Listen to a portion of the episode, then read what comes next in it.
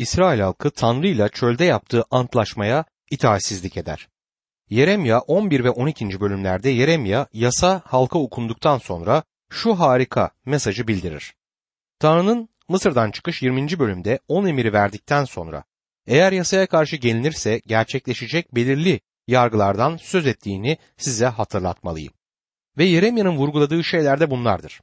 Komşunuza nasıl davrandığınız, işlerinizi nasıl yürüttüğünüz ve ne tür bir sosyal hayat sürdüğünüz gibi yasanın yaşam biçimlerimizi belirleyen yönlerini vurgular. Hayatınızda sekse tapan o kişilerden biri misiniz? Günümüzde Tanrı'ya hizmet eden kişiler için en önemli tehlikelerden birisi cinselliktir. Genç ve güzel kızların peşinden koşan ve bu uğurda evlerini tehlikeye sokan pek çok erkek var. Yeremya eğer böyle yaparsanız dolambaçlı bir yola girmiş olduğunuzu ve Tanrı'dan uzak olduğunuzu söyler. Birçok insan muhafazakar olmaktan, doğru doktrine sahip olmaktan söz ediyor ki ben bu konuda ısrarlıyım ama ne tür bir hayat yaşadığınızda aynı derecede önemlidir. Ne kadar dürüst davranıyorsunuz? Yaşamınız ne kadar temiz? Çoğumuz eğer dürüstsek Tanrı'nın önünde diz çöküp onunla birlikte yaşamaya ve ona yakın olmaya olan ihtiyacımızı itiraf ederiz. Ama Yeremya'nın zamanındaki insanlar bunu yapmadılar ve günümüzde de bunu yapmayacak pek çok insan var. Yeremya 11. bölüm 1 ve 2. ayetlerde Rab Yeremya'ya şöyle seslendi. Bu antlaşmanın koşullarını dinle. Yahuda halkına ve Yeruşalim'de yaşayanlara açıkla. Bu antlaşma yasa bulunup halka okunduğunda Kral Yoşiya önderleri çağırdı ve Tanrı'nın sözünü inceleyeceklerine ilişkin onlardan söz aldı. Yeremya 11. bölüm 3. ayette onlara diyeceksin ki İsrail'in Tanrısı Rab şöyle diyor. Bu antlaşmanın koşullarına uymayan lanet altındadır. Yasa kitabını bulmadan önce halk yasayı bilmiyordu. Şimdi artık bildiklerinden ötürü büyük bir sorumlulukları vardı. Tanrı bu antlaşmanın içeriğine uymayana lanet olsun der. Vaizin sadıkça Tanrı sözünü bildirdiği bir kilisenin üyesi olup da bu sözlere itaat etmek için hiçbir şey yapmamış biri olmaktansa yeryüzünün uzak karanlık bir köşesinde bir putun önünde eğilen bir putperest olmayı yeğlediğimi birçok kereler söyledim. Bir kere daha söylemek istiyorum. Bir putpereste daha çok saygım var. Ve Tanrı ona müjdeyi daha kolay bir biçimde ulaştırabilir. Ama müjdeyi duyup reddetmiş olan bir kilise üyesini Tanrı kesinlikle yargılayacaktır. Şimdi bu bölüm Yeremya'nın doğup büyüdüğü yer olan Anatot halkı tarafından reddedilmesiyle sona erer. Yeremya 11. bölüm 19, 20 ve 21. ayetler. Kesime götürülen uysal bir kuzu gibiydim. Bana düzen kurduklarını anlamamıştım. Şöyle diyorlardı. Ağacı da meyvesinde yok edelim. Bir daha adı anılmasın diye onu yaşayanlar diyarından kesip atalım.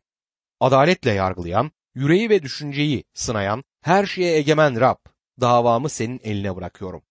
Onlardan alacağın öcü göreyim. Seni öldürmek isteyen, Anatot halkı için Rab diyor ki, onlar Rabbin adına peygamberlik etme yoksa seni öldürürüz diyorlardı. Tanrı Yeremya'ya artık Anatotlularla konuşmanın bir yararı yok. Beni reddettiler ve seni de öldürmek istiyorlar. Artık onlara peygamberlik etmeye çalışma dedi. Günümüzde artık bir zamanlar yaptıkları gibi Tanrı'nın şeylerini savunmayı ya da Tanrı sözünü öğretmeyi bırakmış kiliseler var. Ve bazı insanlar üyelerinin azalışını ve kiliselerinin terk edilmesinin korkunç bir şey olduğunu düşünüyorlar. Korkunç olan kürsülerinde Tanrı sözünü öğretmiyor olmalarıdır. Yeremya Anatot'ta Tanrı sözünü vermeyi bıraktı. Başka bir yere gitti çünkü halk onu öldürecekti. Tanrı sözünü reddetmişlerdi. Burada müthiş bir resim görüyoruz. Yeremya adlı bu adam için Tanrı'yı savunmak bir şeye mal oldu. Kalbi kırılmış ve onu doğup büyüdüğü yerdeki insanlardan uzaklaştırmıştı. Yuhanna 4. bölüm 44. ayette şöyle okuyoruz. İsa'nın kendisi bir peygamberin kendi memleketinde saygı görmediğine tanıklık etmişti. Rabbimizin doğup büyüdüğü yer olan Nasıra'yı terk edip Kefernaum'a taşınması gerekmişti. Genç Yeremya da aynı şeyi yapmak zorunda kaldı. Yeremya bu halka günümüzde duyduğumuz mesajlardan çok farklı bir mesaj vermektedir. Günümüzde bizler İsa gelin size yeni bir kişilik verecek hatta sizi zengin bile yapabilir. Her şey çok iyi olacak diyoruz. Halbuki Yeremya'dan ve onun yaşamından öğrendiklerimiz bunlar değil. Yeremya Tanrı'ya dönmenin size bir şeye mal olacağını öğretmektedir. Ama ödediğiniz her şeye değecektir. Yahuda'nın Tanrı'ya hizmet etmek için bir antlaşma yapmış olmasına karşın ülkedeki uyanış hareketi genelde yüzeysel bir hareket olarak ortaya çıkar.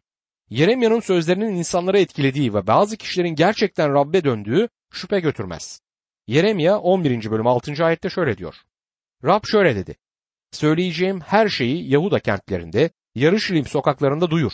Bu antlaşmanın koşullarını dinleyin, onlara uyun. Ancak ulusun durumu kötüye gitmektedir. Uyanıştan sonra ruhsal şeylere olan ilgi sönmeye başlamıştı ve halk eski yoluna dönmüştü. Kral Yoşiya bile çok ciddi bir hata yapmıştı. Mısır kralı Firavun Nego'ya karşı savaşa çıktı ve Megiddo'da savaştı. Yoşiya ölümcül bir yara aldı ve Yeremya onun için yas tuttu. İkinci tarihler 35. bölüm 25. ayette bunu şöyle okuyoruz. Yeremya Yoşiya için bir ağıt yazdı. Kadın erkek bütün ozanlar bugüne dek ağıtlarında Yoşiya'yı anarlar. İsrail'de bir gelenek haline gelen bu ağıtlar ağıtlar kitabında yazılıdır. Yeremya ağlamıştı çünkü halkın sadece putperestliğe dönmekle kalmayıp aynı zamanda ahlaksal bakımdan da daha çok bozulacağını biliyordu ve öyle de oldu. Yeremya'nın mesajı halkın duymayı istemediği bir mesajdı. Mesajını reddettiler ve onu öldürmeyi planladılar. Bu yüzden doğup büyüdüğü yer olan Anatot'u terk etmesi gerekti. Yoşiya hala hayatta olsaydı Yeremya'yı korurdu. Ama Yoşiya da ölmüştü. Ve şimdi yönetime Yehoahaz çıktı ve sadece 3 ay egemenlik sürdü. Firavun Nego bundan sonra Yahuda tahtına Yehoakim'i oturttu. Yehoakim'in Mısır'a vergi ödemesi gerekiyordu ve bu yüzden halka çok ağır vergiler geldi. Çok geçmeden Nebukadnezar Mısır kralını yendi ve Yehoakim Babil'e gitmek zorunda oldu. Bu durum 3 yıl boyunca devam etti ve bundan sonra Yehoakim Yeremya'nın bunu yapmaması için verdiği uyarılara kulak asmayarak Babil kralına karşı isyan etti. Yeremya daha önce Mısır'la antlaşmalarının da sahte bir güven kaynağı olduğunu söyleyerek buna karşı onları uyarmıştı ama Yahuda kralları onu dinlemediler ve yozlaşmaya devam ettiler. Yeremya 12. bölümde Yeremya'nın bir sorusu olduğunu görüyoruz. 12. bölüme geldiğimizde ulusun tarihindeki çok kötü bir dönemede gireriz ve kalan tek ışık Yeremya adındaki bu adamdır. Yoşiya öldürülmüştür. Yeremya doğup büyüdüğü yerden ayrılmaya zorlanmış ve yönetime kötü insanlar gelmişti. Durumun kötüleştiğini görebiliyoruz. Bu noktada Yeremya'nın ve inanıyorum ki her dürüst Hristiyanın yüreğine kuşkular gelecektir. Kafasına karanlık düşünceler gelmiştir ve Tanrı'nın bazı şeylere neden izin verdiğini merak etmektedir. Tanrı'ya ait şeyleri savunan her vaiz bazen Tanrı'nın neden harekete geçmediğini merak eder. Etrafına bakıp en iyi insanların acı çekmekte olduğunu görmektedir. En ruhsal insanlar diğer herkesten daha çok sorun yaşar gibidirler. Hepimiz Tanrı'nın buna neden izin verdiğini merak ediyoruz. Davut bile bu konuda Tanrı'yı sorgulamıştır. Bakın 37. mezmur 35. ayette Davut ne diyor? Kötü ve acımasız adamı gördüm. İlk dikildiği toprakta yeşeren ağaç gibi dal budak salıyordu. Şimdi Yeremya Tanrı ile konuşurken onu dikkatlice dinleyelim. Yeremya 12. bölüm 1 ve 2. ayetler. Davamı önüne getirsem, haklı çıkarsın ya Rab ama adalet konusunda seninle tartışmak istiyorum. Neden kötülerin işi iyi gidiyor? Neden hainler tasasızca yaşıyor? Onları sen diktin kök saldılar, büyüyüp ürün verdiler. Adın ağızlarından düşmüyor, yürekleri ise senden uzak. Evet Rab senden bahsediyorlar ama senden uzakla ve işleri yolunda. Neden buna izin veriyorsun diye Yeremya soruyor. Benim sorum da bu. Ben Tanrı'ya aynı şeyi sormak istiyorum. Rab neden buna izin veriyorsun? Yanıtı bilmiyorum. Ve Yeremya ile Davut'un da yanıtı bildiğini sanmıyorum. Tanrı kötülerin işlerinin iyi gitmesine izin verir ve biz onları yeşil bir ağaç gibi büyürken görürüz. Tanrı neden iyi Mesih inanlısı müjdecileri desteklemekle ilgilenen kişilerin işlerini yoluna koymuyor? Ona bunu sordum ve yanıtını bilmiyorum. Yeremya 12. bölüm 3. ayette. Beni tanırsın ya Rab, beni görür, yüreğimin seninle olduğunu bilirsin. Kasaplık koyun gibi ayır onları, kesim gününe hazırla der. Yeremya neden onları yargılamıyorsun diye sormaktadır. Yargılanması gereken onlar diyor Rabbe. Yeremya 12. bölüm 4. ayette ise içinde yaşayanların kötülüğü yüzünden ülke ne zamana dek yaz tutacak? Otlar ne zamana dek sararıp solacak? Hayvanlarla kuşlar yok oldu. Çünkü bu halk o başımıza neler geleceğini görmüyor der. Ülke ne zamana dek umutsuz olacaktır. Yani Rab neden bir şeyler yapmıyorsun diye ısrar eder. Tanrı'nın Yeremya'ya ve günümüzde de sizlere ve bana verdiği yanıt kabul etmemiz gereken yanıttır. Elimizdeki en iyi yanıt bu. Tanrı ne yaptığımı biliyorum. Sen bana güven bende dinlen der. Yeremya'nın bu bölüme sen adaletlisin ey Rab diye başladığını hatırlatmak istiyorum. Dostum Tanrı bugün her ne yapıyor olursa olsun bu bize ne kadar garip görünürse görünsün adildir ve bir gün görüp anlayacağız bunları. İmanın işin içine girmesi gereken nokta burasıdır. Gördüklerimize göre değil, imanımıza göre yaşıyoruz. Yeremye tek başına Tanrı'yı savunmaktadır. Yozlaşmış yönetici Yohayakim egemenlikte. İşler kötüye gitmekte ve Yeremya ne olacağını merak eder. Tanrı Yeremya'ya durumu ele alacağına dair güvence vermiştir. Yeremya 11. bölüm 6. ayette Rab şöyle dedi. Söyleyeceğim her şeyi Yahuda kentinde, Yarışilim sokaklarında duyur. Bu antlaşmanın koşullarını dinleyin, onlara uyun. Elçi Paulus Romalılar 11. bölümde iyi zeytin ağacının kesilerek bir kenara konulduğundan bahsederken bundan söz ettiğini biliyoruz. Tanrı bu halka aynen böyle yapar ve bugün aynı kökten yabani zeytin ağacı yetiştirmektedir. Bu sizsiniz ve benim. İnanlar topluluğu Mesih olan köke aşılanmıştır. Mesih kuru topraktaki köktür ve yaşam verir. Tanrı Yeremya'ya ben bununla ilgileneceğim. Bunu ele alacak kişi benim der. Tanrı'nın Yeremya'nın görebileceği durumların çok daha ötesine uzanan bir planı vardır. Rabbin Yeremya'ya yanıtına bakalım. Yeremya 12. bölüm 5. ayet. Ey Yeremya, insanlarla yarışa girip yoruldunsa atlarla nasıl yarışacaksın? Güvenli bir ülkede sendelersen şeria çalılıklarıyla nasıl başa çıkacaksın? Şimdi sevgili dostum umuyorum ki beni bağışlarsınız. Saygısız olmaya çalışmıyorum ama Tanrı'nın Yeremya'ya söylediğine bakmak istiyorum. Şimdi olacak şeyler seni sıkıntıya düşürecekse daha hiçbir şey görmedin demektir. Her şey çok daha kötüye gidecek diyor Yeremya'ya ve eğer şimdi perişansan her şey çok daha kötü olduğunda ne yapacaksın diye sorar. Dostum bugünkü durum bize kötü gelebilir ama daha da kötüye gideceğini ben size söyleyeyim. Umarım bunu bilmek sizi Rabbe daha da yaklaştırır. Tanrı bizim arzuladığımız gibi bize ayrıntıları anlatmaz ama bizlere her zaman en doğru olanı yapacağına dair kendisine güvenebileceğimizi söyler. Yeremye 12. bölüm 9. ayet. Mirasım sırtlan ya da yırtıcı kuş mu oldu karşımda? Çevresindeki yırtıcı kuşlar saldırıyor ona. Gidin, bütün yabanın hayvanları toplayıp getirin, yiyip bitirsinler onu der. Tanrı'nın esprili olmadığını bana söylemeyin. Burada Yeremya sen benekli bir kuş gibisin diyor. Her karga kendi yavrusunun diğer kargalardan daha siyah olduğunu düşünür ama yavru yumurtadan çıkıp da benekli olursa bu size bir şey anlatır.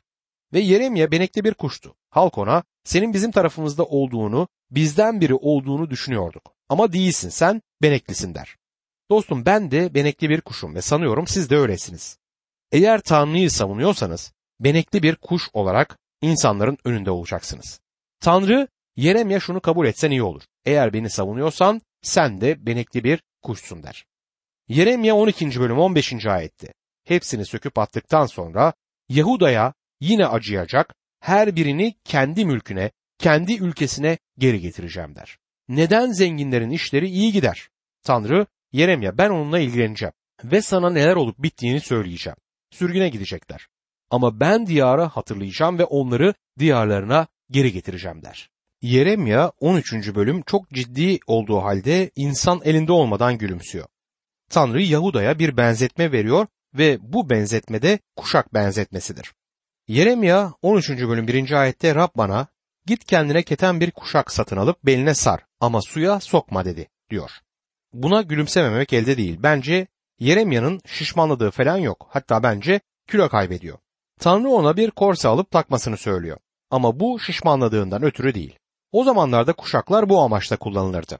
Günümüzdeki korseler vücudun şekli bir fıçı gibi olduğu halde kum saatine benzetmek amacıyla kullanılıyor. O zamanlarda da kuşak yerlere kadar olan giysileri bağlayıp kişiyi hizmete hazır bir hale getirmek için kullanılırdı. Kuşak bir hizmet işaretidir. Rab İsa hizmetkarlarına şöyle der. Luka 12. bölüm 35. ayette. Kuşaklarınız belinizde bağlı ve kandilleriniz yanar durumda hazır olun. Yani hizmete hazır olmalıydılar kendisine keten bir kuşak takıp öğrencilerinin ayaklarını yıkamaya başladığında hatırlayacaksınız. Bunun iki anlamı olabilir. Büyük hizmetkar olan kendisi kendisiyle paylaştık içinde olabilsinler diye onların ayaklarını yıkayarak onları hizmete hazırlıyordu. Çünkü eğer onunla paydaşlık içinde değilseniz hizmet edemezsiniz. Hizmet Mesih ile paydaşlıktır. pazar günü kilisede bir ders vermek, bir ilahi söylemek ya da vaaz vermek demek değildir. Hizmet Mesih'le paydaşlıktır. Temizlenip Mesih'in yapmanızı istediği şeyi yapmakta kullanılmaktır. Tanrı kirli bardakları ya da kirli kapları kullanmaz. Şimdi Yeremya'ya bu kuşakla çok ilginç bir şey yapması söylenecek. Yeremya 13. bölüm 3, 4 ve 5. ayetler. Rab bana ikinci kez seslendi. Satın aldığın belindeki kuşağı al, Perat'a git. Kuşağı orada bir kaya kovuğuna gizle. Rabbim buyruğu uyarınca gidip kuşağı Perat'a yakın bir yere gizledim. Yeremya'nın gerçekten Fırat'a gidip kuşağı saklayıp saklamadığı konusunda her zaman tartışmalar olmuştur. Bence bunu yaptı. O zamanlarda uluslar birbirine gidip geliyorlardı ve bence Yeremya bu yolculuğu gerçekten yaptı. Bu çok tuhaf şeyi yaptı ve geri geldiğinde insanlar herhalde Yeremya neredeydin diye sordular. Yeremya Babil'e gittim diye yanıtlamıştır. Orada ne yaptın? Kralın temsilcisi olarak mı gittin yoksa bir iş gezisi miydi? Yeremya'nın hayır oraya bir kuşağı saklamaya gittim diye yanıtlaması gerekecekti. Dostum bence kalabalık buna gülerdi. Yeremya 13. bölüm 6 ve 7. ayetlerde uzun süre sonra Rab bana kalk Perat'a git. Gizlemeni buyurduğum kuşağı al dedi. Bunun üzerine Perat'a gittim. Gizlediğim yeri kazıp kuşağı aldım ancak kuşak çürümüştü. Hiçbir işe yaramazdı diyor. Yeremya'nın kuşağı takması ve yıkamaması gitgide daha çok kirlenmeye bırakması gerekiyordu. Bence sonunda o kadar kirlendi ki artık bu kuşak kullanılamaz oldu. Sonra Tanrı ona kuşağı Babil'e gömmesini söyledi. Kuşağın bir ibret oluşturmasını istiyordu. Gidip kazıp kuşağı bulduğunda onun hiçbir işe yaramadığını gördü. Bu tuhaf etkinlik acaba ne anlama geliyordu? Yeremya 13. bölüm 8 ve 9. ayetler. Rab bana şöyle seslendi. Rab diyor ki işte Yahuda'nın gururunu da Yeruşalim'in büyük gururunu da böyle çürüteceğim. Tanrı Yahuda halkının sürekli olarak kötülüğe hesaplandıkları için artık kendileri için bir umut kalmayacağı bir yere varacaklarını söyler. Onları Babil'e sürgüne yollayacaktı. Bu çok etkileyici ve ibret verici bir şeydir. Tanrı halkına öğretmek için bazı komik yolları da kullanır. Yeremya 13. bölüm 16. ayette karanlık basmadan, kararan dağlarda ayaklarınız tökezlemeden Tanrınız Rabbi onurlandırın. Siz ışık beklerken Rab onu kopkoyu zifiri karanlığa çevirecek diyor. Tanrı halkına artık akşam oluyor. Hava kararacak ve nereye gittiğinizi bilmeyeceksiniz. Çünkü dağlarda kaybolmuş olacaksınız der. Buna karşın onlardan hala kendilerine dönmesini istiyor. Yeremya 13. bölüm 19. ayette Negev'deki kentler kapanacak. Onları açan olmayacak. Sürgüne gönderilecek Yahuda. Tamamı sürgüne gönderilecekler. Tanrı onlara tam olarak ne olacağını söylüyor. Ne yapacağını gayet açık bir şekilde bildiriyor. Yeremya 13. bölüm 23. ayette kuşlu derisinin rengini pars beneklerini değiştirebilir mi? Kötülük etmeye alışmış olan sizler de iyilik edemezsiniz der.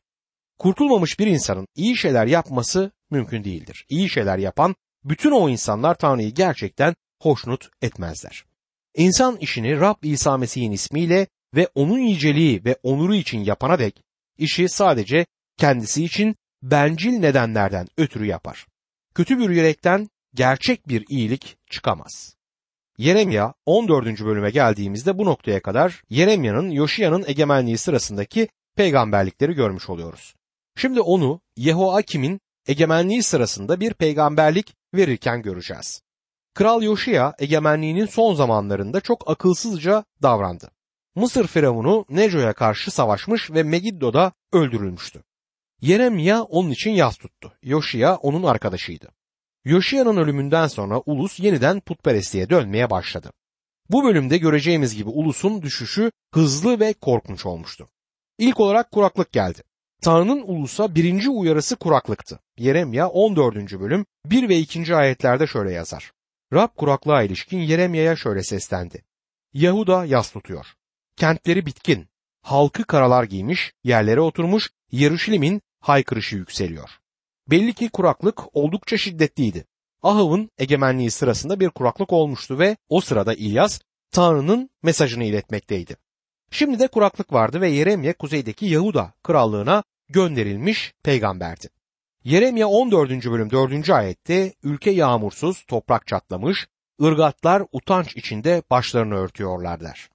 Toprak çorak ve yağmursuzluktan çatlamış durumdadır.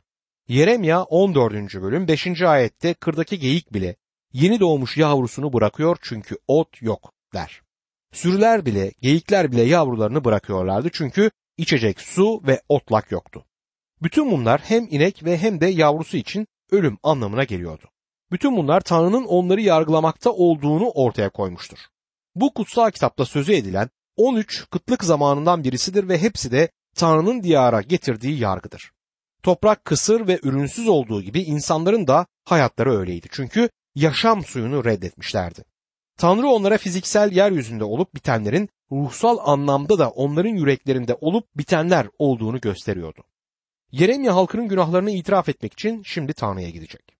Yeremya 14. bölüm 7. ayet. Suçlarımız bize karşı tanıklık etse de adın uğruna bir şeyler yap ya Rab. Pek çok döneklik ettik sana karşı günah işledik der. Yeremya'nın günahkarlardan biriymiş gibi halkın arasında yerini almasına dikkat edin. Burada hiçbir övünme görmüyoruz. Halkına karşı eleştiren bir tutum, bir belirti görmüyoruz. Bizler döneklik yaptık, günah işledik der. Tanrı'nın halkının diğer insanlara karşı eleştiren bir tutum almaları kolay.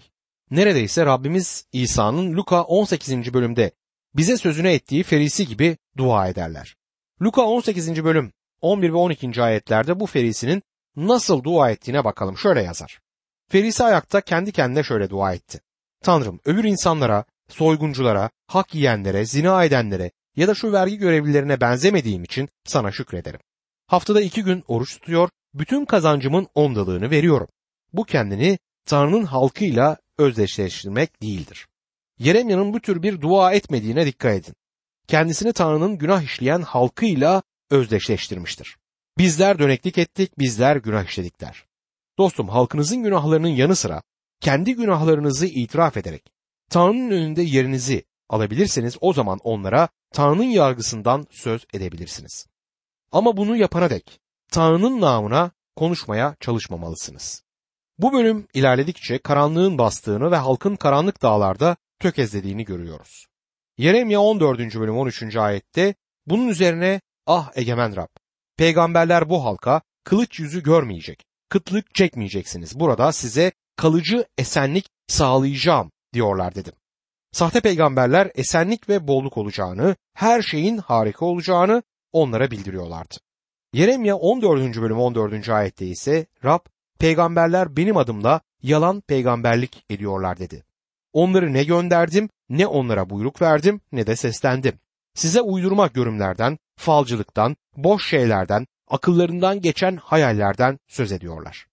Kral Yoşia öldüğünden beri Yeremya'nın büyük ölçüde yalnız olduğunu burada görüyoruz. Ve ben doğru mesajı mı veriyorum yoksa peygamberler haklı mı diye düşünür. Pek emin değil. Bu yüzden bu konuda Rabbin önüne gelir. Tanrı sahte peygamberlerin yalan söylediklerini bilmeni istiyorum. Onları ben göndermedim. Benim mesajımı veren sensin diyerek ona güvence verir. Bunun Yeremya'yı yeniden ateş hattına getirdiğini görebilirsiniz. Yeremya 14. bölüm 17. ayette onlara de ki gözlerim gece gündüz durmadan gözyaşı döksün. Çünkü erden kızım, halkım ağır bir yara aldı. Ezici bir darbe yedi. Şimdi mesaj Yeremya'nın kalbini kıracaktır. Mesajı halka verirken ağlıyordu. Tanrı halkın kendi kalbinin kırıldığını bilmesini ister. Yeremya sadece Tanrı'dan mesaj vermekte kalmıyordu. Aynı zamanda Tanrı'nın duygularını da dışa vuruyordu. Hepimiz Tanrı için tanıklar olduğumuzun bilincine varmalıyız. Eğer Tanrı'nın çocuğuysanız Tanrı için bir tanıksınızdır ve yaşamınızda bir şey söylemeniz gerekir. Tanrı sözünü bildirirken yaşamlarımızın da ona uymasına çok dikkat etmeliyiz. Tanrı sözünü katı kalpli bir tavırla veremeyiz. İçinde duygu olmalıdır. Eğer yoksa çok radikal sorunlarımız var demektir.